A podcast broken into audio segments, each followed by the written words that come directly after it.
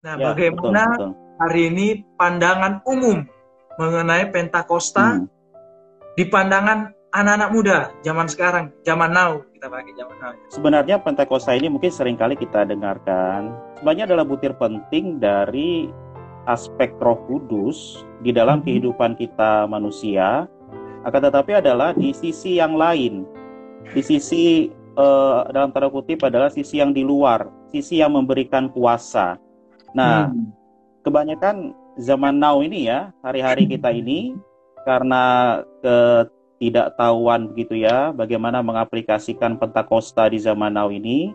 Nah, Mhm. sehingga apa akibatnya? Ah, di tengah-tengah kita hari ini kita kurang ada kesaksian, tidak Mhm. berani bersaksi, ya kan tidak berani untuk menyampaikan firman Tuhan, ya kan tidak berani untuk menyatakan bahkan di tengah-tengah umum bahwa saya ini loh orang Kristen. Nah, Hmm. maka itu eh, apa pentingnya kita eh, malam hari ini ya kita bisa bahas apa sih sebenarnya aspek lain dari Roh Kudus khususnya yang bertalian dengan Pentakosta ini. Pentakosta adalah salah satu pekerjaan Roh Kudus sebenarnya kalau kita mau bilang ya Kak Ritan ya. Betul, betul, betul ya, ya, ya. Kalau Kak Ritan bilang mungkin beberapa orang belum ngerti, belum tahu atau mungkin ada yang salah Ah. kaprah. Apa itu Pentakosta kalau menurut Alkitab nih Kak Ritan? Pentakosta ini adalah berasal dari bahasa eh, Yunani atau Gerika, sebagaimana Alkitab Perjanjian Baru ditulis, yaitu adalah hari ke-50, teman-teman sekalian. Itu adalah terhitung sejak Tuhan Yesus bangkit, ya. Hmm. Terus eh, adik-adik atau teman-teman semua tahu ada peristiwa ketika Tuhan menampakkan diri ke Maria, itu adalah hari kebangkitan Tuhan. Nah, Iya. setelah itu ya kan ditambah dengan eh, tujuh sabat, ya kan sampailah ke hari yang ke-50 ya kan di mana peristiwa ini adalah peristiwa turunnya atau tercurahnya eh, Roh Kudus. Ini adalah satu aspek lain daripada eh, roh Hmm. yang juga dijanjikan oleh oleh Tuhan.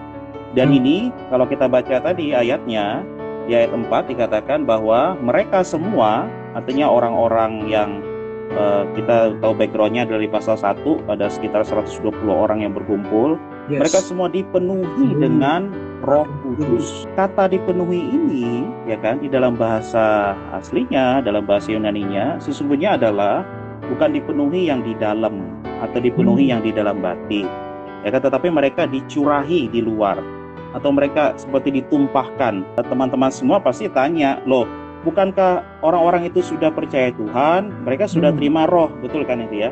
Di Yohanes pasal 14 ayatnya yang ke-16 dan 17. Aku akan minta Amen. kepada Bapa dan ia akan memberikan kepadamu seorang penolong yang lain supaya ia menyertai Ya. kamu selama-lamanya yaitu roh kebenaran. Dunia tidak dapat Hmm. menerima dia sebab dunia tidak melihat dia dan tidak mengenal dia. Tetapi kamu mengenal Hmm. dia sebab ia menyertai kamu dan akan diam di dalam kamu. Ini adalah salah satu aspek dari Roh Kudus Tuhan, ya kan? Nah, Tuhan ketika menjanjikan roh kebenaran atau roh realitas atau penghibur di sana, ini adalah dia memberikan roh itu menjadi isi atau bagian yang di dalam daripada manusia. Karena itu dikatakan dia akan terus-menerus menyertai, yaitu adalah di dalam batin kita. Kalau kita percaya kepada Tuhan Yesus, maka kala itu kita sudah menerima roh kudus menerima roh kudus. Nah, murid-murid ya menerima Roh Kudus itu masuk ke dalam kita. Yohanes 20 ayat 22. Ketika Tuhan mengembuskan rohnya, ah, terimalah terimalah roh, Roh kudus. Kudus. Amin. Ah, ini adalah ah, apa aspek yang Tuhan aspek pertama daripada Roh Kudus yang Hmm. Tuhan berikan kepada kepada murid-murid. Oh itu pertama yang aspek pertama mengenai kepercayaan kita ya kita menerima Roh Kudus. Amin. Kisah Rasul pasal 1 ayat 8 ini adalah perkataan penegasan Tuhan ya. Memberikan ya kan aspek lain, aspek pekerjaan lain daripada Roh Kudus. Ya kan coba lihat katanya. Ya kan menerima Hmm. kuasa bila mana Roh Kudus turun. Roh Kudus turun Artinya dia dicurahkan. Ya kan Hmm. kalau tadi kan aspek pertama kan dia masuk ke dalam Masuk. kita. Yes. Ya kan dia berhuni di dalam kita.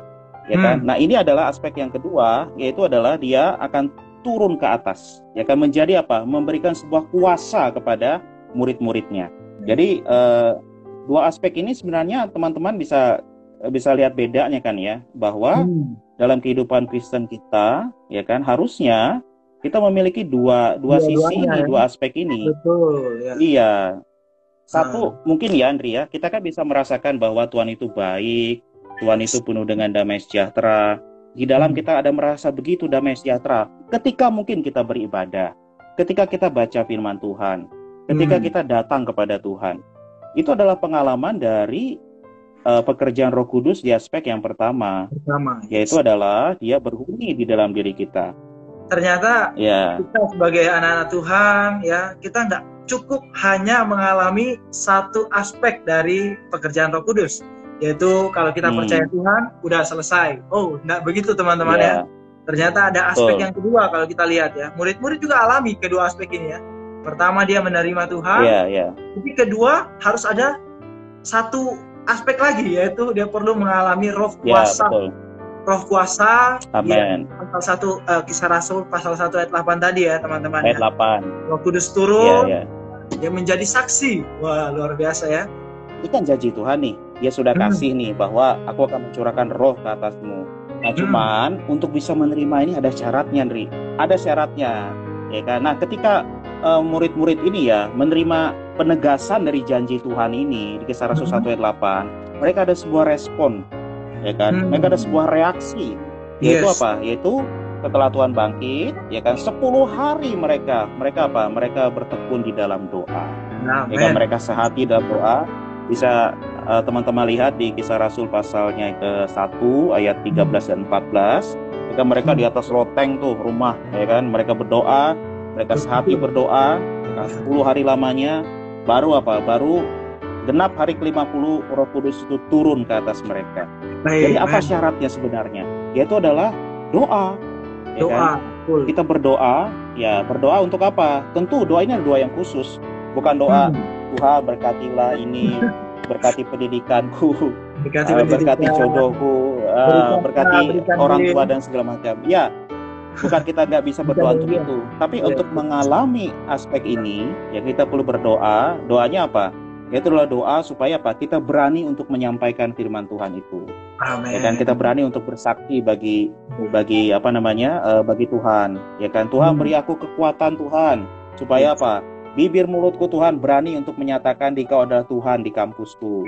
Yes. Beri aku Tuhan keberanian supaya aku apa? Supaya aku bisa bersaksi melalui Ya. tindakanku, perkataanku. Ayat yang sudah aku baca Tuhan kepada Ya. apa? Kepada teman-temanku. Kepada Nah, perlu doa ini. Kalau nggak ada doa, kita pasti akan selalu gagal. ya kan? Iya, pasti mati akan selalu konyol. gagal. Berperang tanpa persiapan. Artinya. Mati, konyol, ya, ya, ya. Iya, ya. nggak ada persiapan doa. Betul, betul. Saya Ya, karena itu perlu baik-baik untuk untuk berdoa. Amin. Amin. Ya, betul ya. Wah, Hmm. jadi teman-teman ya. Wah, hari ini kita dibukakan ya. Bagaimana Pentakosta zaman now kita bisa alami. Wah, harus Ya, tekun ya. ya. Intinya di ayat 14 sebenarnya Betul. tadi ya. Rasul 1 ayat 14. Ya. Mereka, dikatakan mereka semua, semuanya wah, bertekun da- Ya. dengan sehati dalam doa bersama-sama.